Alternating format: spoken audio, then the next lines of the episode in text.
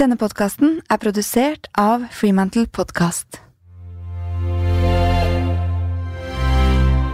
Alle de som skylder på treneren, det er de som leter etter utveier som ikke har baller til å gjøre det. Det er forskjellen på de som virkelig står for det de gjør, og de som leter etter unnskyldninger.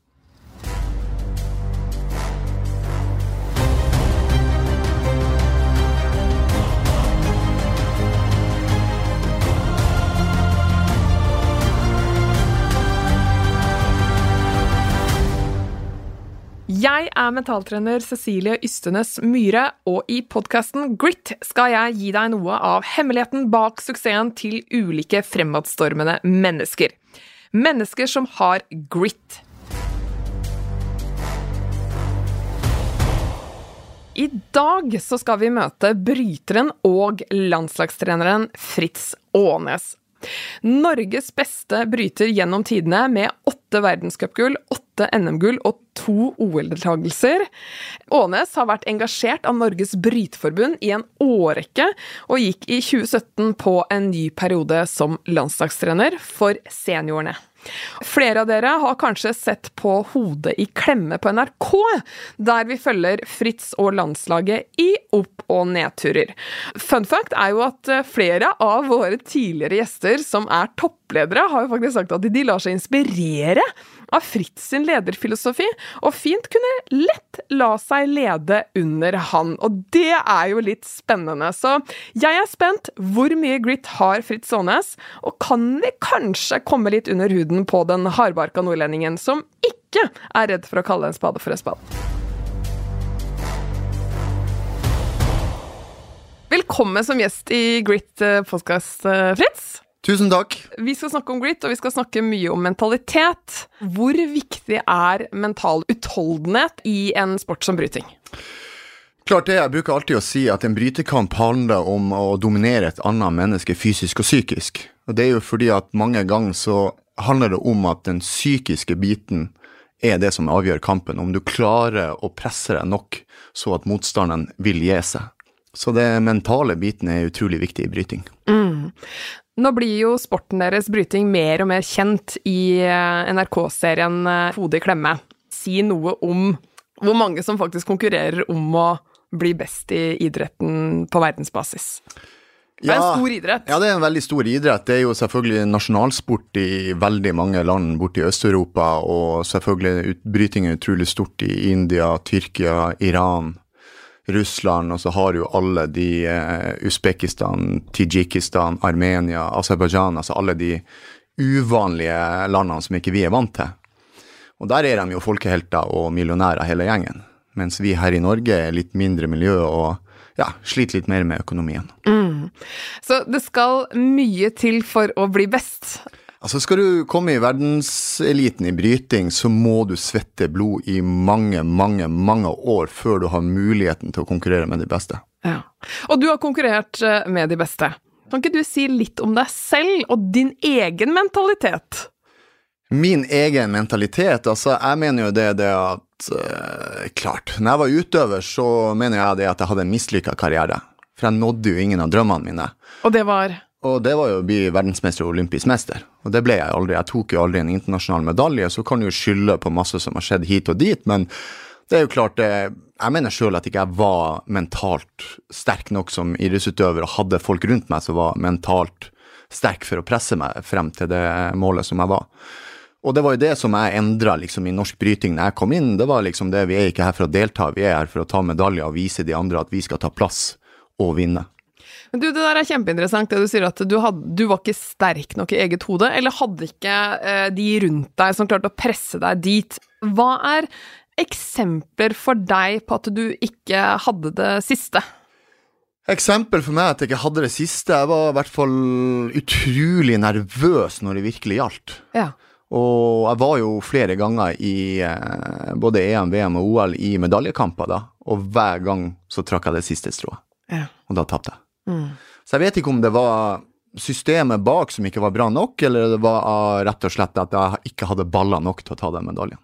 Din hypotese er hadde du hatt mer kontroll over nervene, så tror du hadde, du hadde i hvert fall fått ut mer av potensialet ditt, er det du sier? Ja, det tror jeg. Absolutt. Ja. Hvordan tenker du at man håndterer best nerver?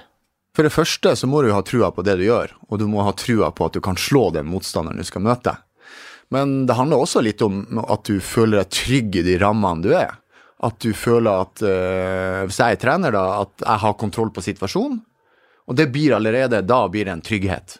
Og da får du mer kontroll på situasjonen også. Hadde de sett på meg at jeg var kjempestressa og fløy rundt som en uh, vimsete høne der jeg ikke visste hva jeg skulle gjøre, så blir jo de òg stressa, og da blir de nervøse. Så det er klart, trygge rammer eh, gjør jo sånn at du har mer kontroll på nervene dine. Ja. Og ikke minst rutiner, liker jeg. ja, fortell om det. Hver gang vi konkurrerer, så har vi samme type oppvarming. For det har de gjort det bra på tidligere, og da kjenner de seg igjen, de vet hva de skal gjøre.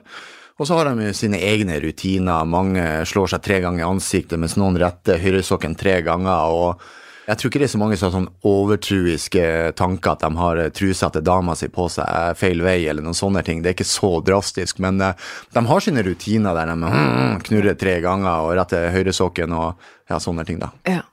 Og så sier du folk rundt eh, kanskje mangla de evnene til å trykke på de knappene, da. Kan ikke du fortelle litt om hvordan det da har påvirket deg i din trenerrolle? Ja, klart det, skal jo også sies det at på min tid så var jo ikke så mye penger inne, og det var jo ikke sånn system rundt, og vi hadde ikke penger til å reise like mye rundt og satse like mye som vi gjør nå, da. Så det er jo klart, når jeg ble trener, så var jo målet mitt å forandre hele kulturen og filosofien i norsk bryting. Og det er jo klart, det, er jo mange måter å gjøre det på, men jeg har min stil, og den er ganske brutal og hard, og direkte og ærlig. Og så er det vel ikke alle i Bryte-Norge som har high five for stilen min, men alle elsker resultatene mine. Så det blir litt sånn den uh, kjærlighet med ærlighet og litt sånn hat-elsk. Train hard, fight easy. Mm. Men det er sånn gøy at du er, du er, jo veldig ærlig på stilen din, så du blir jo sannsynligvis også ganske forutsigbar, vil jeg tro. Eller er det fortsatt mange som kan få litt sjokk?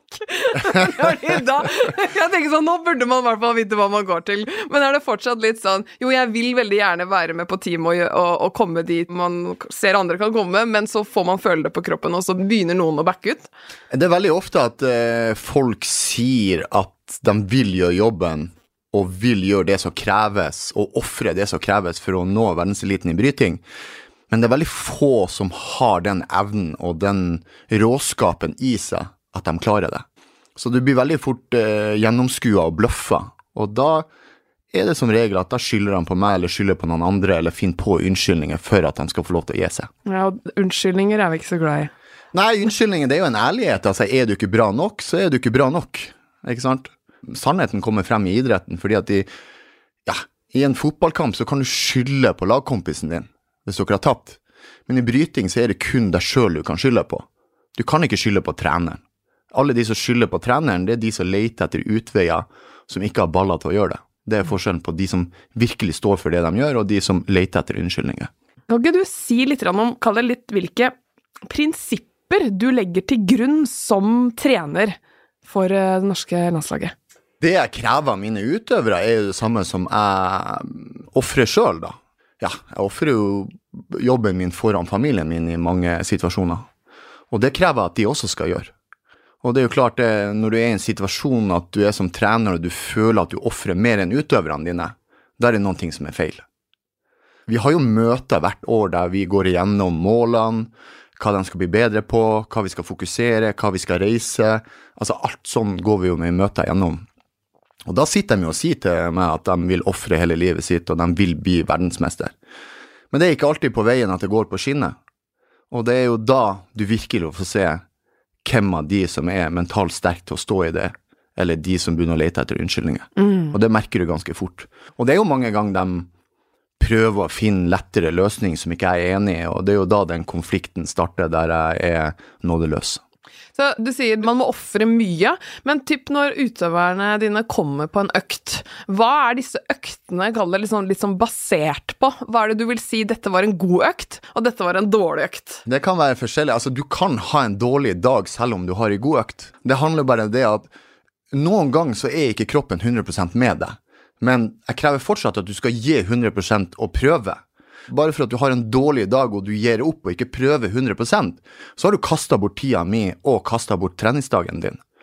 Og det var en, en um, person som jeg hadde med før, en leder og en trener i Norges Bryteforbund, som heter Øystein Davidsen. Han sa det, det er mye du kan få tilbake i livet ditt, men du får aldri tilbake en treningsdag. Og det er fakta. Så det er liksom make it count når du er der. Make it count når du er der, og ikke sløs tida mi, for jeg har også lyst til å være hjemme med familien min.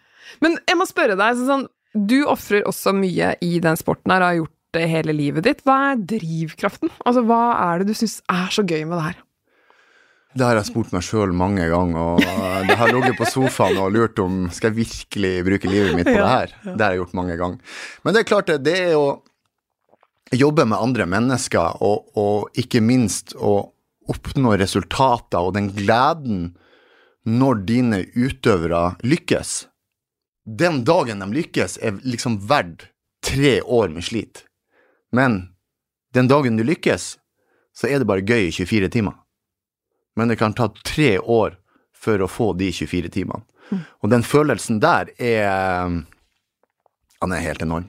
Ja. Det er ingenting i verden som er deiligere. Det er den du jakter? Det er den jeg jakter.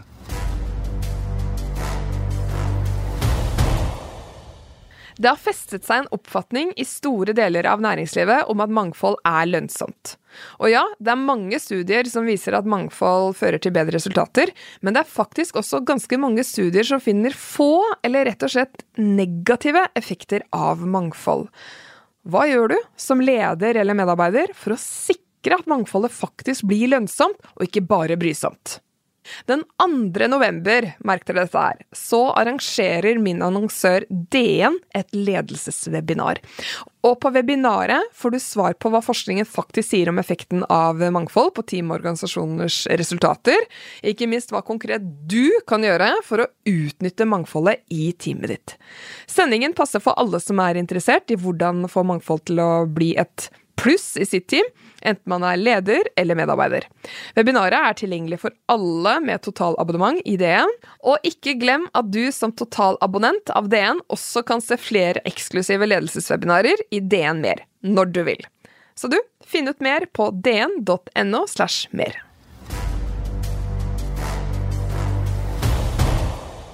Men du, jeg må spørre deg. Sånn bryting, brutalsport, tenker jeg. Man får bank, som du sier. Mm. Må man være litt gæren i skallen for å holde på med bryting? Du må ikke være gæren, det tror jeg ikke, men du må være litt spesiell. Ja, Hva legger du i det? Nei, det jeg legger med det, det er jo det at du, du må være villig til å ofre mange års trening og blodslit og, og masse skader. Du har vondt i kroppen nesten hver dag. Og kanskje, hvis du er heldig, så klarer du å nå til toppen. Men da må du ofre fem år. Og de fleste når jo ikke toppen. Så det er fem år eh, med dårlig betalt og mye slit og mye kjeft fra meg. Ja, så du skal, du skal, virkelig elske det du holder på med. Men jeg må spørre deg litt sånn, hvis jeg sier motivasjon versus viljestyrke, mm. hva tenker du da? Hva er viktigst eventuelt, eller legger du det i samme pott? Motivasjon og viljestyrke er nesten i samme pott, vil jeg si. Klart, Du må ha motivasjon, men det er klart, det driver du på med bryting, så er du ikke like motivert hver dag. For det gjør vondt. Og har du en dårlig dag på jobben, så får du bank. Og det er ikke noe gøy. Og det gjør vondt. Og du kanskje får et kutt over øyet, og du ringer hjem til dama og sutrer litt der, og så blir jeg sur for at du har en dårlig dag, og så får du kjeft av meg i tillegg, og så Ja, det er ikke noe glamorøst der. Det er kun hardt arbeid, og klart, motivasjon Ja, de har ikke det hver dag, men det er klart jeg, jeg tvinger dem til å ha det hver dag. Ja, hvordan gjør du det? Nei, det er jo eh, Det er ganske enkelt. Det er jo barnepsykologi. Hva er det du trykker på av knapper, og hva slags barnepsykologi er det du bruker for å få folk til å yte? Nei, altså det er jo rett og slett Det handler jo om at, eh, og ærlighet med kjærlighet. Og det handler om å, å, forklare folk at akkurat det du gjør nå, er ikke bra nok. Og så er du ganske hard med dem og presser dem til å gjøre noe. Men så må du også vise trøst og kjærlighet etterpå, så de får en selvfølelse av det de gjør. Mm. Det er jo akkurat som du sier til dattera di å rydde rommet, og så sier hun nei. Ok, du får en is etterpå hvis du rydder rommet. Mens her så kanskje får du trøst og litt kjærlighet etterpå. Sjelden du får is. Det er av og til de får en pizzakveld. Ja, ja. ja, ok. Så det er litt sånn belønning eh, og forankring av ja, Jeg liker ja. å kalle det ærlighet med kjærlighet. Ærlighet med kjærlighet, mm. ja. Men du, da må jeg jo spørre, for du har jo litt sånn likhetstrekk med en annen eh, kjent norsk trener, nordlending, han og Gjert Ingebrigtsen. Ja. Er du enig i at det er litt likhetstrekk? Eh, du, eh, jeg digger jo han, da. Jeg kunne godt ha tenkt meg å møtt han og snakka litt med han om filosofi og mentale biten, og hvordan han tenker, og hvordan han jobber. For dere har i hvert fall den nordnorske mentaliteten i forhold til ærlighet og, og kjærlighet. Men syns du sørlendinger generelt sett, eller det norske folk, er litt for feige i forhold til å ikke kalle spade for spade? jeg syns de er en gjeng med pyse. Fortell. Ja, for dem, det er ikke Altså, hvorfor kan vi ikke bare være ærlige og direkte? Altså, hvis du kommer på jobben og, og, og gjør en ræva podkast, så vet du jo sjøl at du har gjort en dårlig jobb i dag. Og da nøtter du ikke det hvis produsenten din sier 'i dag var du kjempeflink', for du vet jo innerst inne at det her var jo ikke bra nok.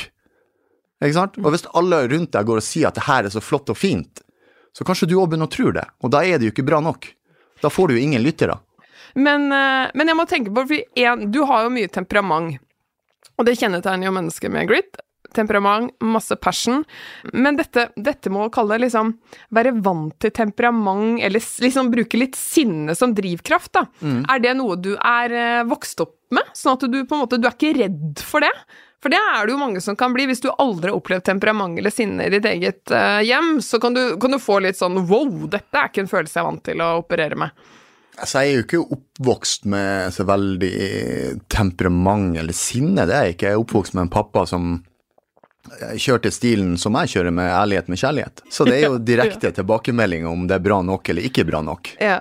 Men det er klart at det er jo ikke noe aggressivitet i Altså, det, det jeg syns folk flest er dårligst på, det er jo det der med å skille mellom jobb og fritid. Altså, folk sitter i møter og krangler, og så går de ut av møtet, og så er de sur på hverandre. Det forstår jeg ikke. Altså, vi må klare å sitte og være uenige om en ting, og likevel gå ut av rommet og begynne å spørre ja, hvor det går med dattera di, eller hvor det går med familien. Altså, vi må skille mellom jobb og fritid. Og det mener jeg de fleste folkene er utrolig dårlige på. Jo da, vi er bare uenige, men det vil ikke si at jeg syns du er et dårlig menneske. Ok, men du, vi må snakke litt om mentale forberedelser. Hvordan vil du si at eh, utøverne dine forbereder seg mentalt, og, og du selv? For min del så er det jo litt mer sånn eh, Mentalt er det vel ikke så veldig mye av. Altså, jeg har så mye arbeidsoppgaver og driver med analyser og sånne ting, så at dagen min går på rutiner når vi er i konkurranse, da. Og det er klart, jeg er jo nervøs, jeg også, men det velger jeg å ikke vise til utøverne mine. Så da har jeg liksom en sånn kontroll at jeg klarer å bare slå over en bryter der jeg er nervøs, men jeg viser det ikke utover. Fordi jeg fokuserer på de arbeidsoppgavene jeg skal gjøre. Altså Den mentale forberedelsene til utøverne mine er jo ganske forskjellig. For mennesker er jo ikke like. Noen liker jo å være veldig sånn som Morten Thoresen, han uten tenner. Han er jo veldig pitbull og hyler. Og hyler og skriker og sånn her. Og må liksom piffe seg opp? Ja, må piffe seg opp og litt sånn mm. Han skal være pitbull og, og tøff og streng og sånne ting, da. Mens ja, Stig André Berge var jo en type som var veldig rolig og konsentrert og mm, litt mer sånn visualiserte og sånne ting, da.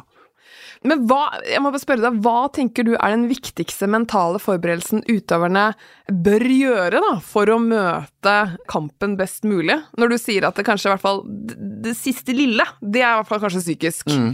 De er nødt til å innstille seg sjøl på at de, de skal bli sliten. De skal bli så sliten som de aldri har vært før. Du må ikke være redd for å bli sliten. Nei. Med en gang du blir redd for å bli sliten, så har du tapt en brytekamp. Og det vises veldig fort på kroppsspråket deres når de har gitt opp. Ja, da, da ser du tegnet. Ja, du ser tegnet med en gang. Så det viktigste er da å være forberedt på å kunne være sliten. Er det derfor dere da også kjører så sinnssykt hardt på treninger? Så at Ja, du blir vant til Ja, den slitenheten? det er jo en, en mental bit her også. Altså, det, er jo, det er jo mange som sier det at det vi holder på med, er jo mot forskning. Det er mange som sier at vi holder på med gjørmetrening, og det er en gammeldags treningsform. Jo, men da må jeg stille deg spørsmål. Har du noen gang hatt fem brytekamper på én dag? Nei. Så ikke snakk til meg, for du vet ikke hva du snakker om. Det er en mental bit her. Vi kommer tilbake til å dominere et menneske fysisk og psykisk. Og den psykiske biten er jo det fysiske også, med at du er bedre trent enn han, og har en kroppsholdning. For eksempel, det, det er veldig ofte du ser at han som begynner å få overtak i en brytekamp, når han kommer utfor matta og skal inn i sirkelen, så blir han andre sittende litt sånn på knærne, mens han andre spretter opp, sprenger inn til midten og står og hopper litt og venter på han. Da vet du han har knekt han psykisk og fysisk. Godt eksempel. Eh, men du, jeg må lure på sånn Nå har du vært gjennom ganske mye. Jeg vet Ikke at du er en gammel mann, men du begynner å bli erfaren. Så, hva, hva kan liksom sette deg litt ut? Hva som kan sette meg Altså når jeg feller en tåre, det er det du mener? Nei, ikke nødvendigvis, men hvor du kjenner liksom Shit, nå, nå er jeg ikke liksom i min trygge havn hvor jeg kan spille på alle styrkene mine. Ja, det er jeg litt usikker på, men det som liksom der jeg blir følsom og litt sånn rørt og sånne ting, det er jo når utøverne mine lykkes når de tar medaljer og sånne ting. Da bruker jeg ofte å si sånn Jeg må en tur på do her, og så går jeg og sipper litt på hjørnet der. Og så kommer jeg tilbake og later som ingenting. Hvorfor det? Nei, det er fordi at uh, det er en blanding med at jeg har lyst til å være for meg sjøl, og så er det vel litt sånn imagen min er litt tøff og hard, så jeg behøver ikke å vise alt. så det blir litt sånn eh, Jeg behøver ikke å vise han Sutre-Fritz. Nei. Litt sånn følsomme, for de ser jo på meg på mange måter som en he-man. Men jeg er jo egentlig ikke det.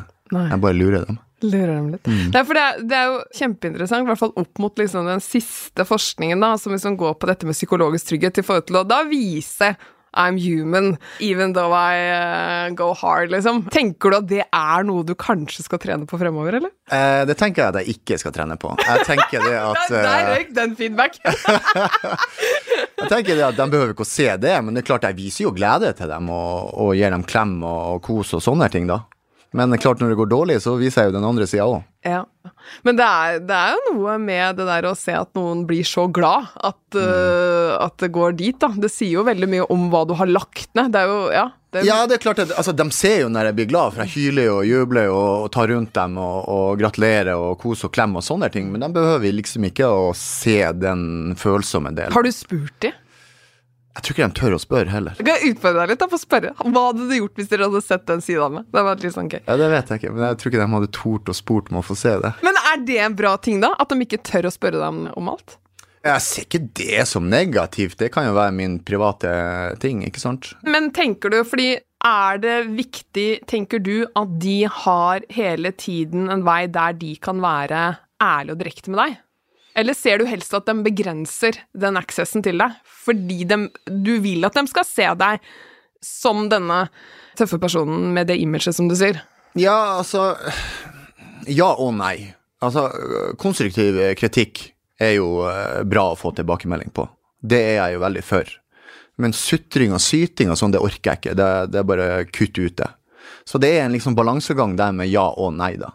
Men uh, klart, det er jo veldig ofte at det de irriterer meg, og, og uh, setter dem på plass.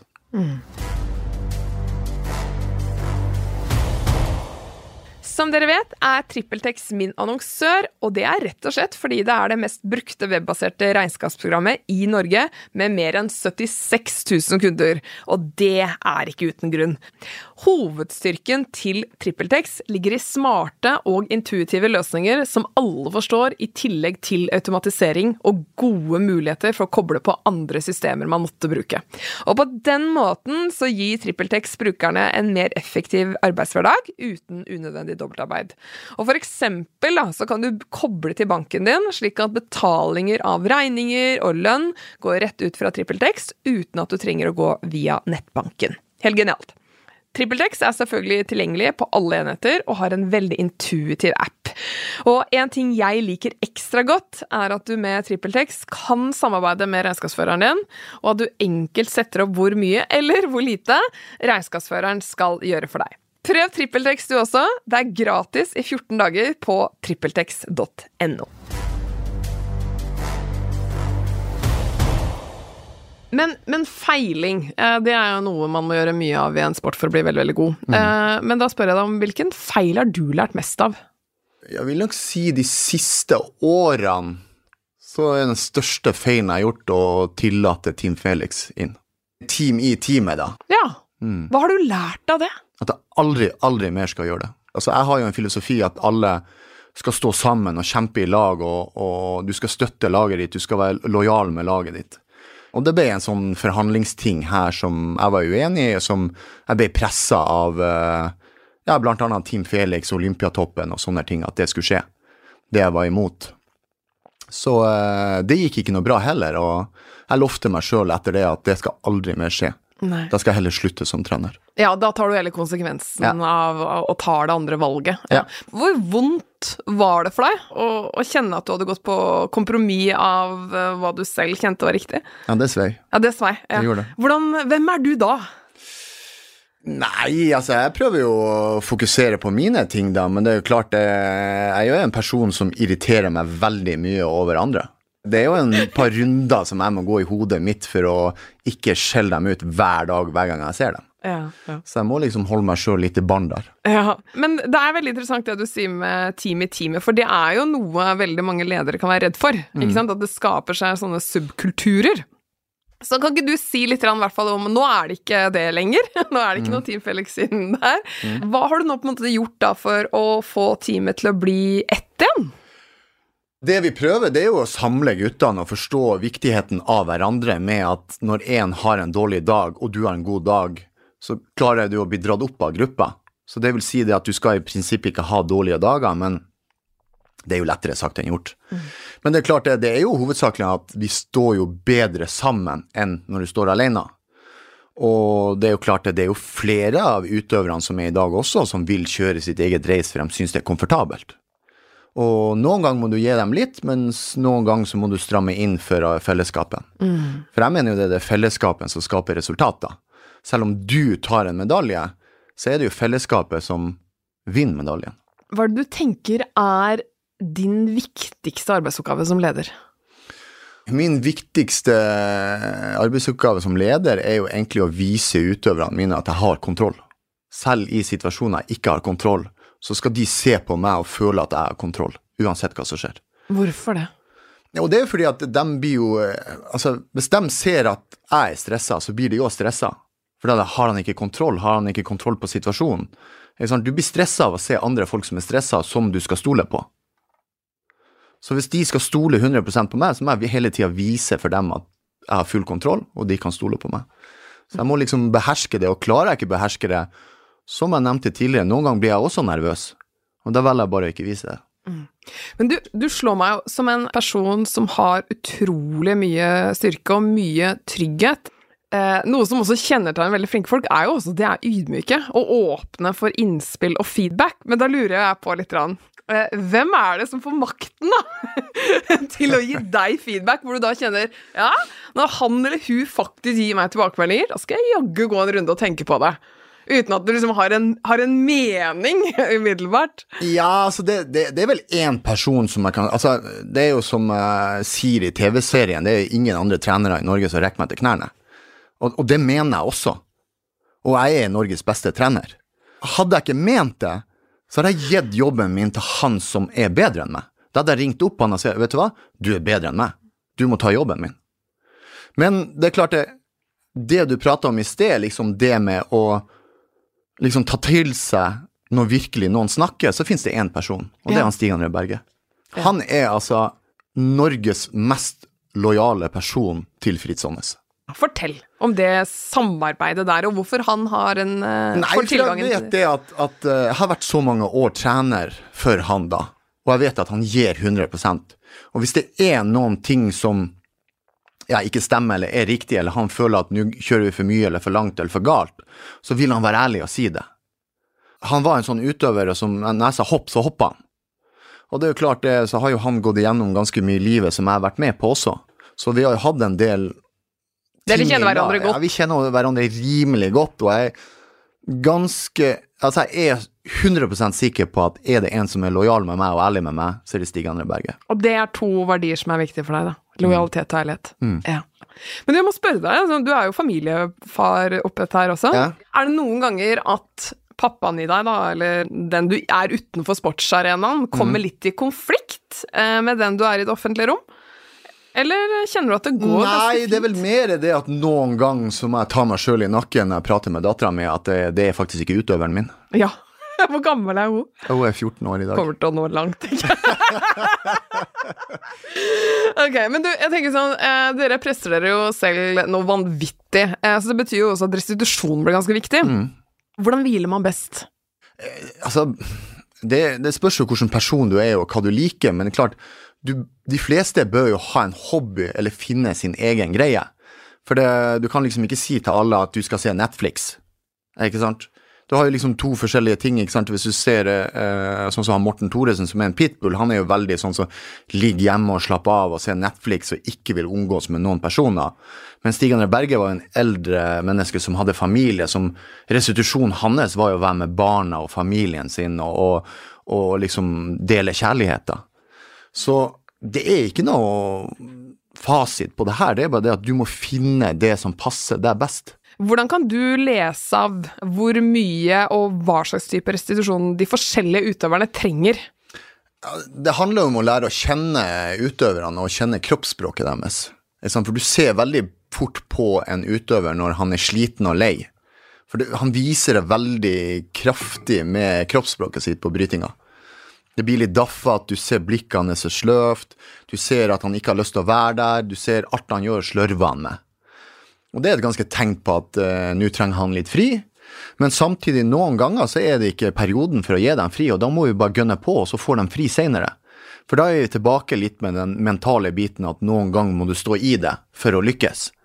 For hvis du hele tida skal hvile når det begynner å brenne rundt deg, så taper du den jevne brytekampen. Så uh, du må lære å kjenne kroppsspråket til utøverne dine. Mm. La oss se det scenarioet. Du ser at du har en utøver som begynner å, å ha dette kroppsspråket, men uh, det er ikke tid for å stoppe nå. Turneringa er ikke ferdig. Hva, hva, tenker du er dine oppgaver som trener da, for å få utøveren til å stå uh, gjennom? Det handler om å, å peppe utøveren og gi ham positiv feedback, og at hvis du står i det her, så vil du få en belønning til slutt. Du må stole på meg. Eye on the goal. Eye on the goal, liksom. Her må du se målet fremme der. Og hvis du står i det her, og du stoler på meg, så blir du å lykkes på slutten her. Mm. Og det er klart, det, men da må du vinne tiltroen hans òg. Da kan du ikke bare kaste ut go, go, gorilla, sette på Rocky 3 i bakgrunnen, liksom, og så kjøre et ræva trening. Det funker ikke sånn. Da må du liksom ha en plan bakom meg og bevise til han at du har kontroll sånn at de stoler på deg. Ja. Du, kan jeg spørre deg, altså, sånn, Når dere er på turneringer, og sånn, så kan jeg se for meg at det er veldig fort gjort at din jobb nesten blir dobbelt så mye som utøverne sine, fordi du skal forberede sikkert og, og se på andre kamper og hva enn dere gjør. Si. Eh, hvordan, hvordan, lader du best når du har bare få timer eller minutter til rådighet? Jeg liker som regel ikke å være alene. Nei. Jeg liker å være rundt folk og prate skit, da. Så det er egentlig, egentlig det at jeg prater og går en tur med de andre støtteapparatet, eller eh, Men det skjer jo ofte det at du begynner å prate om det, det som har skjedd i løpet av dagen, og sånne ja. ting, da. Så eh, Men det er, det er, vanskelig å koble av når du er ute på jobb òg. Mm. Det er veldig vanskelig. Så det er egentlig Beste avkoblinga jeg har, er når jeg er på Mjøsa. Ja, det er faktisk det. Mm, jeg er på båten, for det er liksom unna det, og da bruker jeg av og til jeg liksom starta med det der at uh, du, jeg slår av lyden på telefonen. Og så tar jeg heller en time på kvelden og går igjennom telefonen og svarer meldinger og ringer tilbake de jeg trenger å ringe. Gode tips. Hva er det du syns er det mest utfordrende som leder? Når de har lyst til å være med damen sin istedenfor å reise. Det er det verste jeg vet. Det er den største kampen du må ja. ta. Ja. Jeg krangler med dem hele tida. Kan jo liksom reise med meg til Polen og banke andre gutter, så vil de ha ferie med damene sine. Det forstår jeg ikke.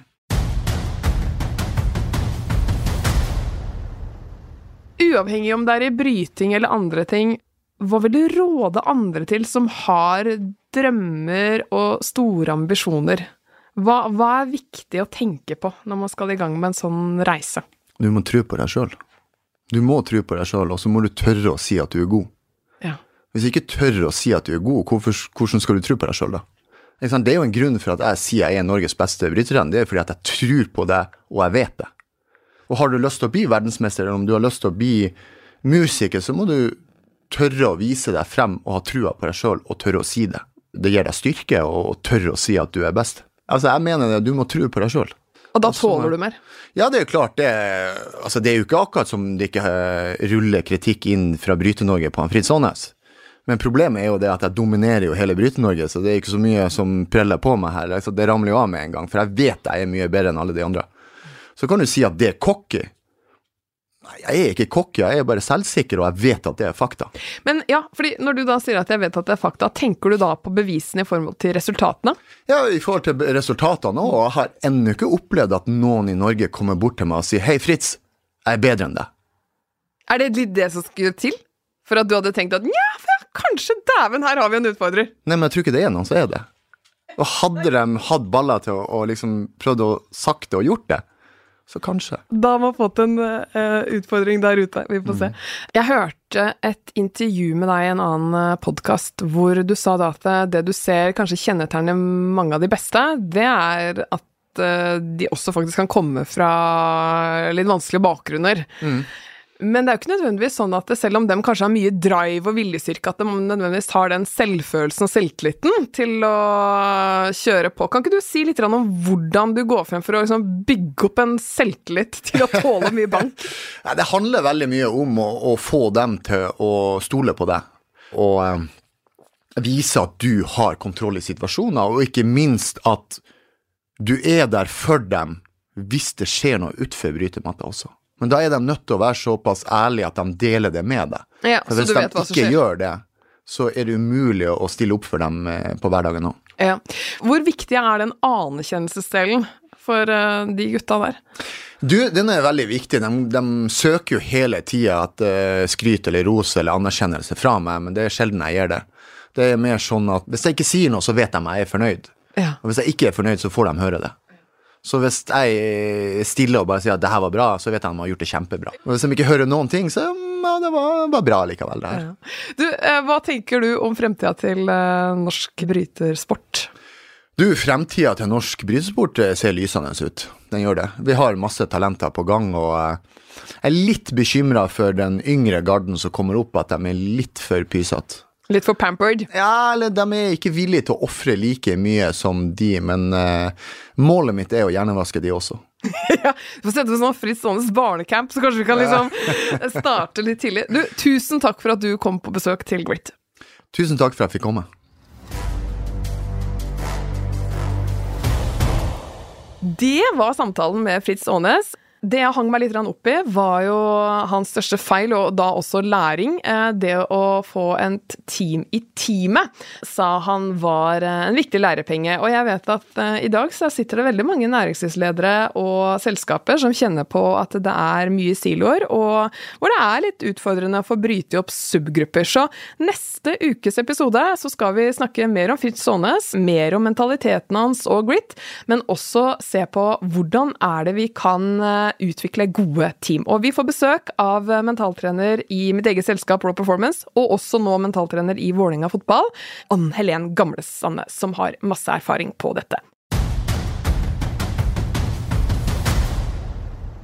Har du lyst til å lære mer om mentaltrening og grit? Da kan du lese mer i boken min Mental styrketrening, eller boken Stå støtt som kom ut i 2021. Du kan også gå inn på rawperformance.no og lese mer om hva vi tilbyr av tjenester der. Alt fra én-til-én-samtaler, kurs, foredrag og utdanning.